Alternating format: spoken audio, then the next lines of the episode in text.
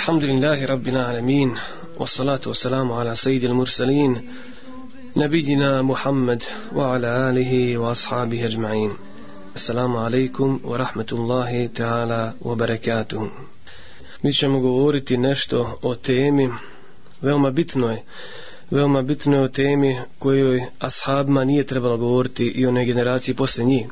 Tema nosi naslov za postavljanje Kur'ana.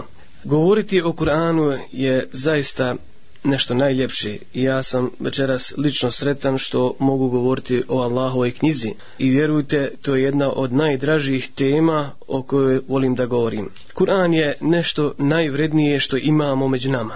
To je blago kojeg nismo svjesni. On je knjiga nad svim knjigama, On je knjiga koja se ne može porediti ni sa jednom drugom knjigom. On je Mubarek knjiga. Wa hada dikrum mubarekun anzalnahu, kako kaže uzvišeni Allah Rašanhu. On je knjiga puna bereketa, blagoslovljena knjiga, što znači da bereket dolazi od nje i iz nje.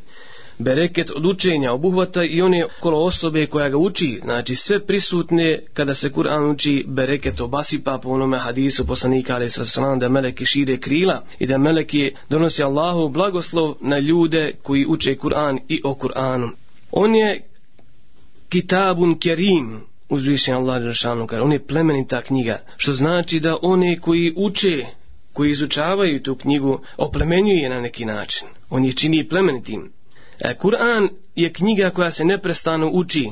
Znači, značenje Kur'ana, doslovno značenje Kur'ana u prijevodu jeste knjiga koja se neprestano uči. Što nam govori da musliman mora biti u stalnoj vezi s Kur'anom. On je Allahova riječ koga uči i komunicira sa onim koga je objavio. Uzvišen Allah Žešanu nam je poslao, znači knjigu, poslao nam je sredstvo komuniciranja sa njim. Mi smo oni koji pored lijeka puštamo da nam tijelo ostane zatrovano. Uzvišen je Allah Đelšanhu na samom početku svoje knjige kaže Bismillahirrahmanirrahim, alif lam mim, dhalika al-kitabu la rejba fi. To je knjiga u koju nema sumnje.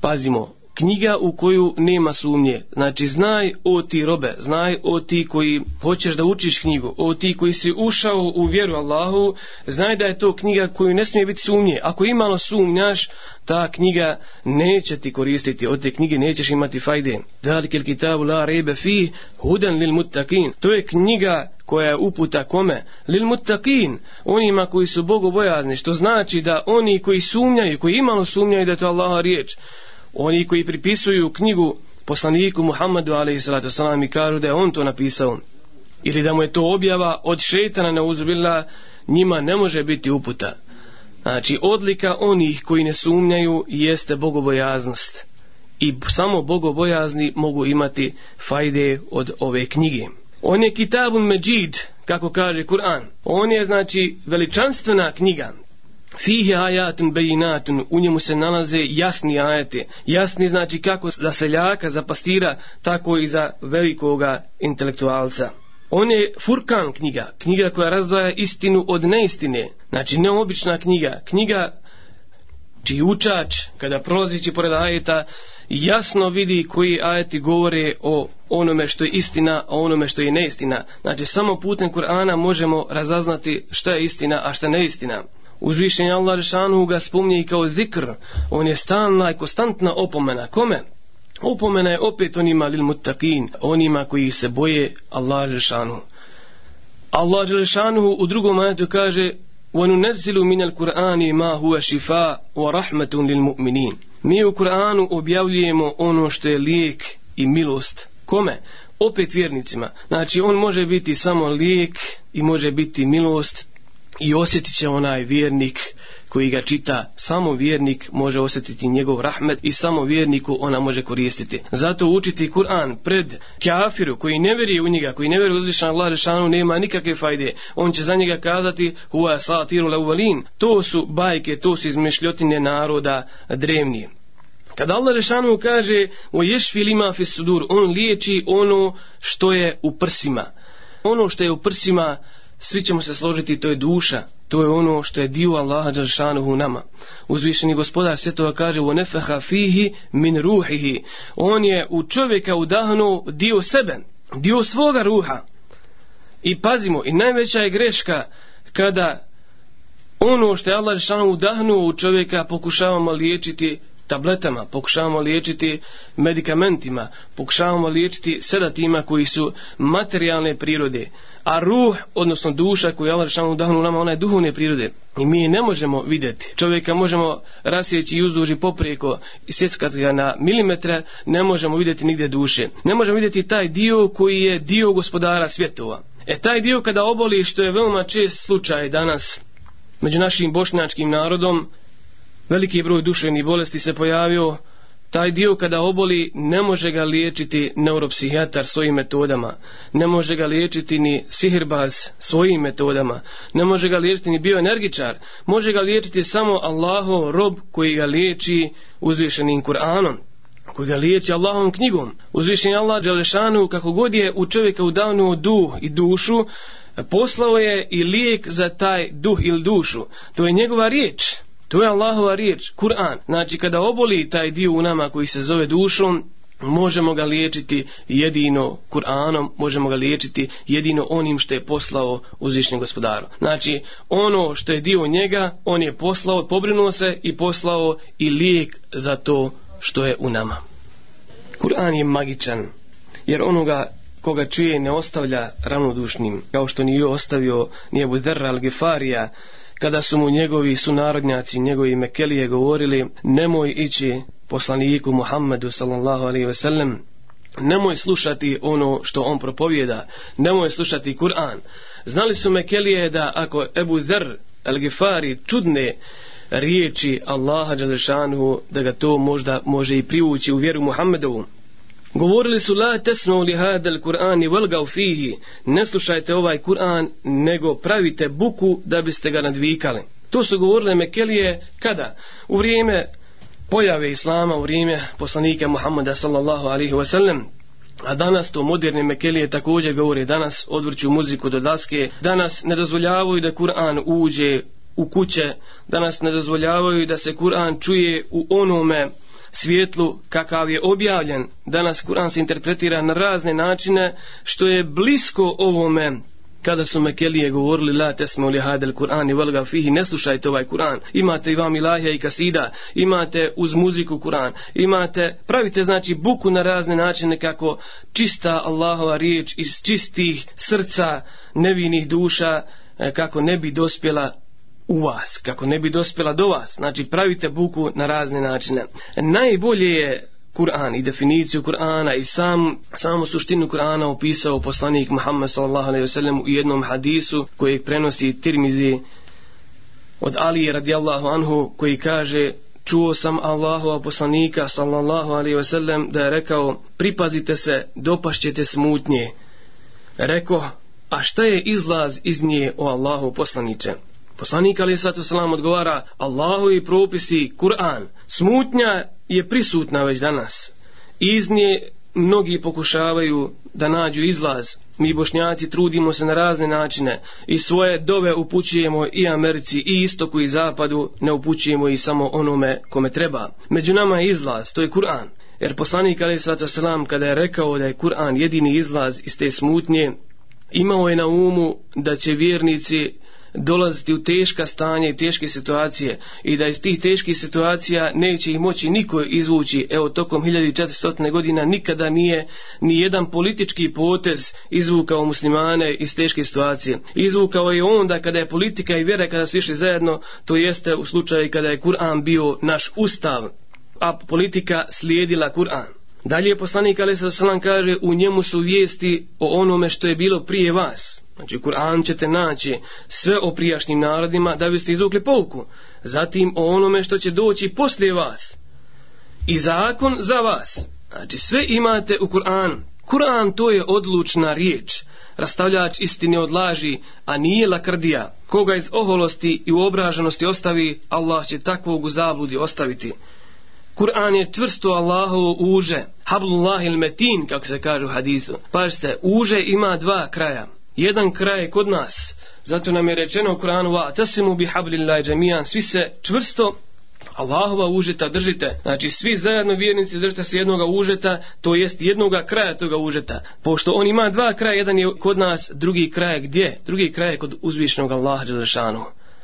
Kao i svaki konopa što ima dva kraja, tako ima i ovaj kraj. Ako je Kur'an Allahova uže, znači tvrsto se držimo njega, zašto? Jer ćemo se tako držati i biti u vezi sa uzvišenim gospodarom svjetova. Allah će koga iz oholosti i uobraženosti ostavi, kao što je danas slučaj, ljudi nauče Kur'an, ljudi mnogo ašareta nauče dok su u medresama, mnogi postani hafizi, međutim, dunjalu kokupira mnoge nas, pa iz oholosti i uobraženosti ostavimo Kur'an. Kaže poslanik Alisa Salam, Allah će takvoga u zabludi ostaviti. I vi vidite, mnogi nosi Kur'an. Međutim, taj Kur'an ili ta titula koju nosi, a koja se zove Hafizom, može ga odvesti na jednu od dvije strane. Može da ga odvede u džennet ili ne daj Bože u džehennem. Mnogi su hafizi, ali od svoga hifza nemaju ništa osim, osim te titule i osim slave koje im donosi pjesme. Mnogi su postali pjevači. Mnogi su postali pjevači, zbog toga su jednom drugom hadisu kaže El Kur'anu šafi mu šefe. Kur'an će biti zagovarač na sudnjemu danu.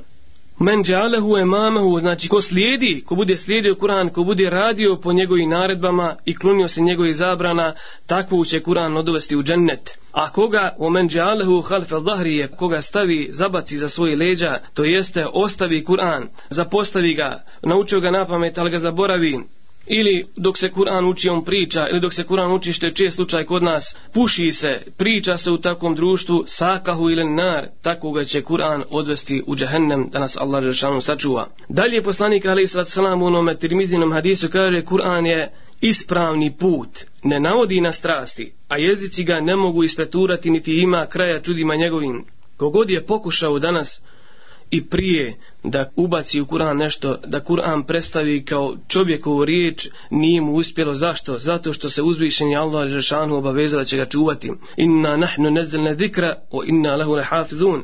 Mi smo Kur'an objavili, mi ćemo ga čuvati. I hvala Allah Žešanu da je to zadržao za sebe. Ne daj Bože da je ostavio Kur'an da ga čuvaju njegovi robovi. Davno bi Kur'an bio zabačen i potpuno zaboravljen. Ko govori Kur'anom, istinu govori ko po njemu radi bit će nagrađen, ko po njemu sudi, pravedno sudi. Što znači da onaj ko po njemu ne sudi, nepravedan je. Ko njemu poziva, taj je upućen na pravi put. Hadis završava ovim. Ko njemu poziva, taj je upućen na pravi put. Molim uzvišnjeg Allah Rešanu da i ovo naše večerašnje druženje bude na putu pozivanja Kur'anu uzvišenom. Brojni su hadisi koji nas postiču na učenje Kur'ana. Kažemo Allah Želešanu je poslao to među nas da nam bude spas, da nam bude uputa, da kada nam se duše razbole imamo i lijeka. A poslanik A.S. kaže da svakoj bolesti ima lijeka osim starosti i smrti. Onaj koji traži lijeka, naći će ga, ako ne u medicini, naći će ga u Kur'anu. Međutim, taj lijek koristi kome? Samo iskrenim učačima Kur'ana, iskrenim Allahovim robovima. Poslanik a.s. kaže u jednom hadisu koji se prenosi od Ebu Mame el-Bahilija, Kale sam ja to Rasulallahi sallallahu alaihi wasallam je kul, čuo sam Allahova poslanika sallallahu alaihi wasallam da je rekao, اقرأ القرآن فإنه يأتي يوم القيامة شفيعا لأصحابه učite Kur'an jer će on svojim učačima biti zagovarač sutra na sudnjem dan bit će posrednik kod uzvišnjog Allaha mi ćemo svi sutra doći pred svoga gospodara neki će imati malo dijela neki neće ništa neki će imati puno dijela činjenica je jedno svima nama će trebati neko ko će se za nas zauzimati Poslanik Ali Sallam će biti jedan od onih koji će se zauzmati za svoje sledbenike. Biće i Kur'an taj koji će se za svoje sledbenike i svoje učače zauzmati. Ko od nas ne bi volio da Kur'an sutra za njega posredi kod uzvišnog vlade i da kaže ja rabi on me učio dan i noć. On je umjesto gledanja serija, umjesto gledanja filmova sa mnom provodio vrijeme. On je na večer kada bi se probudio sa mnom provodio vrijeme i klanjao tebi uzvišeni gospodaru. Molimo Allah Žešanu da budemo od onih koji iskreno uče Allahove riječi. Braćo draga, to nisu riječi Meše Selimovića. Braćo draga, to nisu riječi bilo kojega našeg bošnjačkoga pjesnika ili književnika, to su riječi gospodara svjetova. Znači, postoji razlika gospodar i Meše Selimovića, gospodar i Hadžema Hajdarovića, gospodar i brojni drugih naših književnika, što znači mora postojati razlika u iščitavanju njihovih dijela i riječi uzvišnog gospodara svjetova.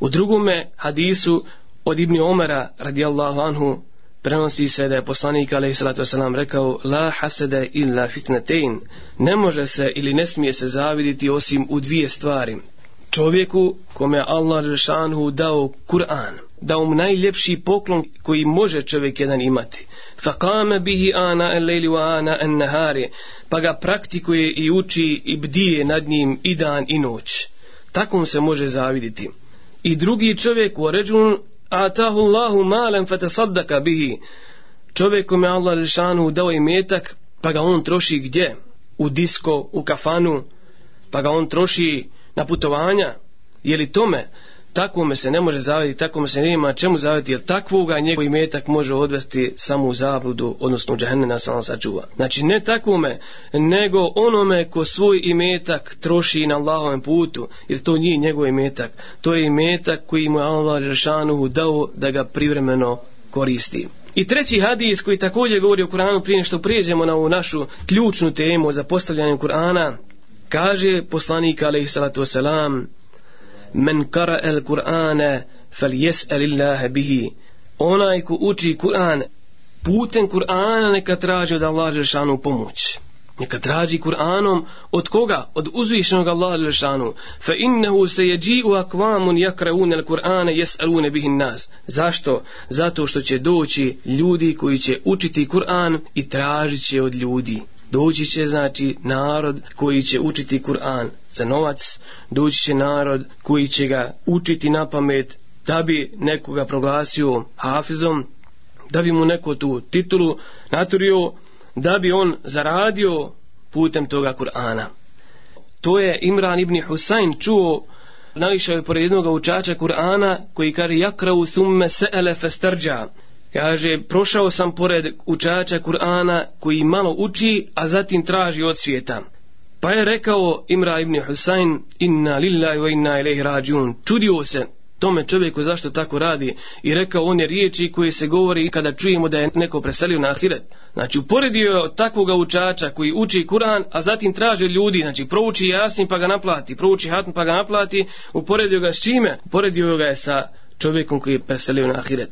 Zatim je rekao Imra ibn Husayn ove riječi koje sam na početku citirao, da je poslanik Ali sad nam rekao, kada učite Kur'an, tražite od Allaha putem Kur'ana, a nemojte tražiti od ljudi. A sada ćemo preći na same vidove za postavljanje Kur'ana, ono što boli svakoga vjernika, ono što boli čovjeka muslimana kada prolazi pored kafića gdje se truje naša omadna, kada prolazi ulicom gdje se izlaže nasilna erotika kada prolazi našim gradovima i našim selima i vidi narod uspavan, vidi narod kako Kur'an drži u rafama, kako Kur'an drži na izrazitim mjestima u svojim regalima, a izbacili su ga iz svojih srca. Jedan od vidova ili prvi vid zapostavljanja Kur'ana jeste nedostatak strahopoštovanja prilikom učenja Kur'ana. Nedostatak tog straha kada učimo Allahove riječi. Nema plakanja kod učenja Kur'ana. Veoma je malo onih koji plaću.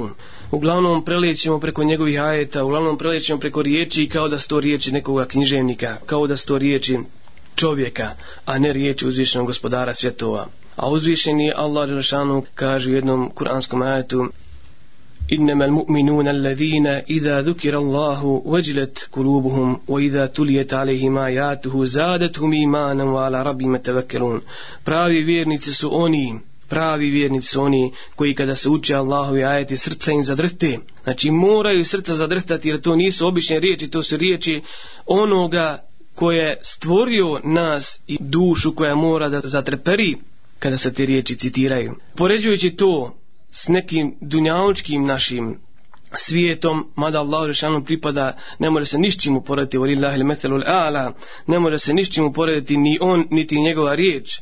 Mi se svi trznimo kada ugledamo policajca. Zašto? Zato što u nema postoji taj osjećaj straha. Prema policajcu znamo da on predstavlja neki zakon. Svi se trznemo kada ugledamo voljenog ili voljenu. Nešto nas dirne, znači nešto reaguje u nama. A kako da ne reaguje srce, na ono što je neš, najvrednije, kako da ne reaguje duša na riječi svoga voljenog, na riječi uzvišenog gospodara svjetova. Ebu Bekr, merre Ebu Bekrim bi ređulin jakra u Korane u jebki. Ebu Bekr je prošao sa skupinom svojih ashaba pored jednog čovjeka koji uči Kur'an i plaće. I kaže, obraćaju se svojim ashabima, hakida kunna hatta kaset kulubuna, ovakvi smo i mi isti bili dok naša srca nisu otvrdla, dok naša srca nisu postala kamni. Ebu Bekr to govori, kome? Govori ashabima, znači odmah nakon smrti poslanika, ali sratu selam, počelo je zapostavljanje Kur'ana. I Ebu Bekr se čudi na neki način čovjeku koji uči Kur'an i plaći. A ste uči Kur'an i plaći i to izaziva čuđenje kada je Bekra i kaže i mi smo ovaki bili kada? Bili smo dok nisu naša srca otvrdla. Poredimo vrijeme Abu Bekra i uporedimo vrijeme naše današnje i mjesto naše ovdašnje. Gdje smo mi, gdje je Bekr? Kako učimo Kur'an, kada ga učimo i ako ga učimo? A uporedimo one koji bdiju nad Kur'anama, slamaju se i dan i noć, Ramazan čitao provedu u učenju hatmi, učenju hatmi, učenju nečega zašto očekuje dunjaločku korist. Bio je slučaj jednog alima iz Horosana koji o sebi priča i kaže čitavu noj sam učio Kur'an. Do saba, od jacije do saba sam probdio u džami učeći Kur'an. I Kur'an ne djelovaše na mene. Ništa nisam, kao da ga nisam ni učio, ništa nisam posebno osjetio. Međutim, vraćajući se kući, čujem iz komšijine kuće kako njegovo dijete citira stihove i stihovi djelovaše na mene i ja zaplaka. Od stihova zaplaka, a od Kur'ana čita u noć učeći ga ne zaplaka. I rekao sebi, istini su rekli oni koji su me optužili da sam odmetnik od vjere. Naravno, ovaj poznati alim nije odmetnik od vjere. Ovaj poznati alim je vjernik, istaknuti islamski učenjak. Međutim, ovdje nam govori jednu stvarnost, jednu stvarnost koja se tiče nas, pogotovo bošnjaka ovde. Kada se uči Meulud, zaplaču naše nane, zaplaču i hađije, zaplaču ljudi, svakoga dirne kad se kaže ali je divna, ali je blaga ova noć, ili kad je majka Muhammeda rodila i tako dalje. I te riječi nalaze mjesto u našim srcima i mi se tada sjetimo Allah Žešanu. Kada neko uči Kur'an, ahšare prouči kao da ga nije ni proučio, još pogotovo ako nema lijep glas, još pogotovo ako je odužio, još pogotovo ako teraviju klanja sa džuzom, mi govorimo u sebi, a i na glas znamo kazati da hoće završiti i kad će završiti više. Ilahije i kaside djeluju na nas, slušajući jednu lijepu ilahiju, jednu lijepu kasidu, mi zaplačemo To nas nešto dirne tamo. Neka znamo, braću, kao što kaže jedan učenjak, da je to prvi znak slabosti. Neko će kazati, pa to je znak, to je znak da u nama ima nešto. To je znak da u nama treperi iman. To je znak da u nama ima dobra, dok naše srce djeluje na ilahiju. Međutim, trebamo se zapitati i kao što ovaj alim kaže, to je prvi znak slabosti, da, da u nama nešto nije u redu. Jer ako Kur'an ne djeluje kao Božja riječ na dušu koja je Božja, koja je dio Allah Žešanu u nama, a djeluje Ilahija koja je šta, koja je riječ čovjeka, trebamo se zapitamo i vidimo jesmo li mi zaista bogobojazni i imamo li u svome srcu strahopoštovanja. Drugi vid zapostavljanja Kur'ana jeste veoma malo učenje Kur'ana. Mnogima će proći i hefta, mnogima će proći i mjesec dana, a možda nekima i više da ne prouče ni jedan harf iz Kur'ana. Neka znamo dobro da ako nam prođe dan, a nismo zavirili u Kur'an, a nismo proučili makar jedan harf, neka znamo da nam je taj dan propao. Imate ljudi koji će se možda i pofaliti i kadati, e, ja nisam uzeo Kur'an, Bog zna otkada. Ili, Neki će kazati ja učim Kur'an samo kada neko naruči kod mene hatmu. Neki će kazati ja ga učim samo od Ramazana do Ramazana. Dinamika života je, kažu, takva da čovjek nema vremena više za Kur'an. Ne može da se stigne da se Kur'an uči. I šeitan djeluje ili djeluje. Šeitan nam pomalo ubacuje svoje misli, svoje ideje kažu da ti radi, imaš ti preči stvari. La tesmu li hadel Kur'an. Nemojte ga ne slušati, nemojte ni učiti ovaj Kur'an. I mi slušamo šeitana. A nađemo vremena i za kahvu, nađemo vremena za svoga prijatelja, nađemo vremena i da pogledamo po neki film, nađemo vremena i da otiđemo na neku svečanost. Međutim, za Kur'an, koji je najljepše i najbolje učiti, odmah čim ustanemo na sabah namazu, mi ne nađemo za njega vremena. Tada smo pospani da nam se što prije vrati u postelju ili ako smo ustali nakon klanjanja sabah namaza, ponovo ono drugi puta, ne možemo ni to da naći, žurimo na posao, žurimo da uradimo nešto, dunjaluk nas odvuče i Kur'an ostaje usamljen i Kur'an na neki način plaće za nama, mi ne možemo da nađemo vremena za njega. A doći će vrijeme kada ćemo se i tekako kajati zbog njegova neučenja. Treći vid za postavljanje Kur'ana jeste vjerovanje u jedan dio knjige, a u drugi ne. To je bila odlika jednog naroda, to je bila odlika jevreja u njihovo vrijeme i današnje vrijeme. Međutim, to je postala, nažalost, odlika i mnogi nas, sredbenika Islama. Uzvišenje Allah Žešanu, obraćajući se njima, kaže Fetu minu nebi bad, leki tabo tek furu nebi bad. Kaže, zar vjerujete u jedan dio knjige, a u drugi dio knjige ne vjerujete? Znači sumnjati u drugi dio knjige. Znači onaj na početku iz Eliflamin, početak sure Bekare, kada uzvišen Allah Žešanu kaže velike kitabu la rebe fi ovo je knjiga u kojoj nema sumnje znači vi to negirate odnosno vi sumnjate u ovu knjigu jevreji poznato je vjerovalo su jedan dio knjige od drugi nisu oni su se izigravali sa Allahim propisima i zbog toga Allah Žešanuhu šalje drugoga poslanika Isa alaih tada nastaje ono što kršćani danas zovu kršćanstvom Međutim, vjera također od Allaha Lešanuhu objavljena nije se zvala tako i mi je i ne zovemo tako. Ovi ajeti i u Kur'anu su spomenuti da budu opomene nama, da mi ne budemo onakvi kakvi su bili jevreji. Međutim, pogledajmo današnju našu stvarnost i naše muslimane, nažalost, vjerujemo u jedan dio knjige, vjerujemo u ono što nam se sviđa iz Kur'ana, vjerujemo kada se govori o hurijama, vjerujemo kada se govori o lijepim jelima, vjerujemo kada se govori o četiri žene, o više ženstvu, međutim kada se govori o zekijatu, kada se govori o pokrivanju, kada se govori o brujnim drugim o nasljedstvu recimo, tu smo zakazali, tu praktično pokazujemo da ne vjerujemo u jedan dio Allahove knjige. Znači, ko praktično danas vrši nasljedstvo onako kako Kur'an traži? Svi dijelimo svoj zaostavštvo onako kako je zakon propisuje. Niko se i ne pokušava osvrnuti na način kako to uzvišnje Allah šalno nas traži.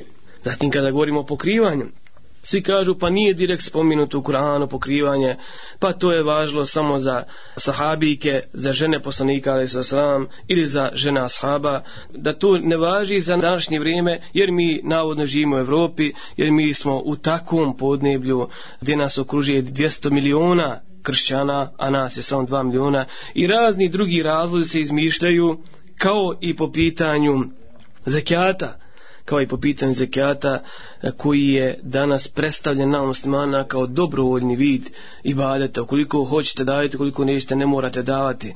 Ljutim uzvišan lažanu od nas ga traži ga implicitno. Isto kao što traži i klanjanje namaza, traži isto tako i davanje zekijata. Što znači da muslimani koji ne praktikuju zekijat, muslimani koji ne pokrivaju svoje žene, muslimani koji se ne pokrivaju, a za sebe tvrde su vjernice, klanjaju i obavili su i hađ mnogi, a zapostavljaju jedan drugi propis, time praktično zapostavljaju jedan dio Kur'ana. U jednom drugom ajetu uzvišeni gospodar kaže وَلَمَّا جَاءَهُمْ رَسُولُ مِنْ عِنْدِ اللَّهِ مُصَدِّكُ لِمَا مَاهُمْ نَبَذَ فَرِيكُمْ مِنَ الَّذِينَ اُوتُ الْكِتَابِ كِتَابَ اللَّهِ وَرَاءَ ظُورِمْ كَنَّمْ لَا يَعْلَمُونَ Kar oni su svoju knjigu, svoj kitab zabacili za svojih leđa to se govori o ljudima koji vjeruju u jedan dio knjige, a u drugi dio knjige ne vjeruju. Znači oni su praktično jedan dio knjige zabacili iza svojih leđa. Zatim sljedeći vid zapostavljanja Kur'ana prisutan kod nas jeste pridavanjem pažnje formi Kur'ana. Veliki smo formalisti kada se radi o Kur'anu gdje doveli smo učenje, melodično učenje Kur'ana do vrhunca, do umjetnosti. I zaista imamo jako, jako dobre učače Kur'ana kod nas u Bosni kao što ima i islamski svijet. I mašala, e, to je također slijedjenje sunneta Allahu poslanika, ali sam koji je rekao u jednom hadisu, da uljepšavajte svoj glas Kur'anom ili uljepšavajte Kur'an svojim glasovima. Međutim, kada se govori o formi, formalizmu, ili pridavanju pažnje formi Kur'ana, Muhammed a.s. je u jednom hadisu najbolje to oslikao kada je rekao Ibn Mesudu, ti živiš u vremenu u kojem ima mnogo ljudi koji razumiju propise Kur'ana, a malo ih je koji ga čitaju, a sahabi su i tekako razumivali Kur'an. Što god im se kaže, nije trebao mufesir, nije trebao tumač, nije trebao neko da im kaže, a šta je Allah ili šta je Bog mislio time reći, šta je Bog mislio time reći. Znači razumijevali su ga. I bilo je malo ljudi među njima koji su ga čitali. Nije bilo potrebe da ga posebno svaki se od njih osamljuje i čita. Nisu imali ni vremena za to jer su ga slušali stalno od poslanika i sa sram. Su ga slušali drugi ashaba. Kuran se konstantno tada objavljivao.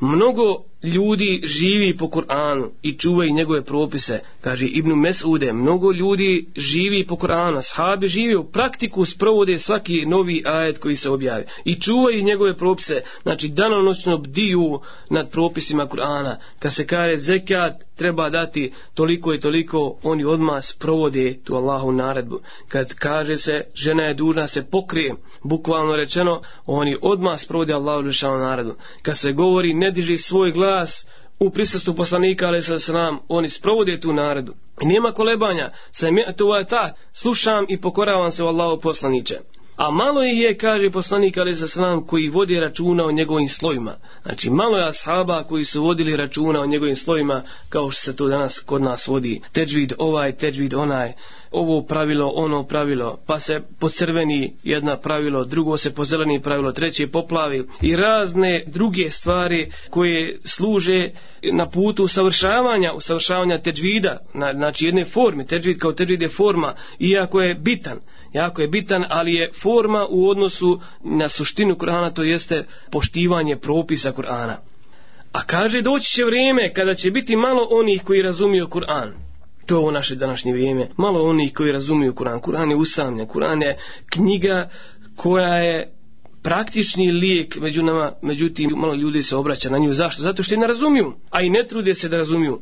A mnogo je, kaže poslanik, ali za sram, onih koji ga čitaju mnogo je i zaista je mnogo ljudi koji čitaju Kur'an u mnogim džamijama se prouči svaki dan se prouči po jedna hatma i nemate kuće u kojoj ako neka seta ono se uči Kur'an znači mnogo ljudi koji čitaju Saudijska Arabija i kralj Fad štampaju na milijune i milijune Kur'ana znači on je prisutan među nama ljuti male ljudi koji razumiju Kur'an tada će se kaže poslanik ali se nam gaziti propisi Kur'an postoji među nama, u vrijeme poslanika ali za sram, u vrijeme Ebu Bekra postojao je samo jedan primjer Kur'ana, ali su ga svi poštivali. Danas imamo milijone i milijone Kur'ana, ali se taj Kur'an ne poštuje. A vodit će se računa o njegovim stojima, kaže poslanik Ali Sarsalam. I nikada se i nije vodilo više računa nego danas. Danas je teđvid postao nauka, danas je teđvid postao predmet na fakultetima, teđid je postao predmet u medresama i tako dalje. Znači, posvećuje se pažnja više formi Kur'ana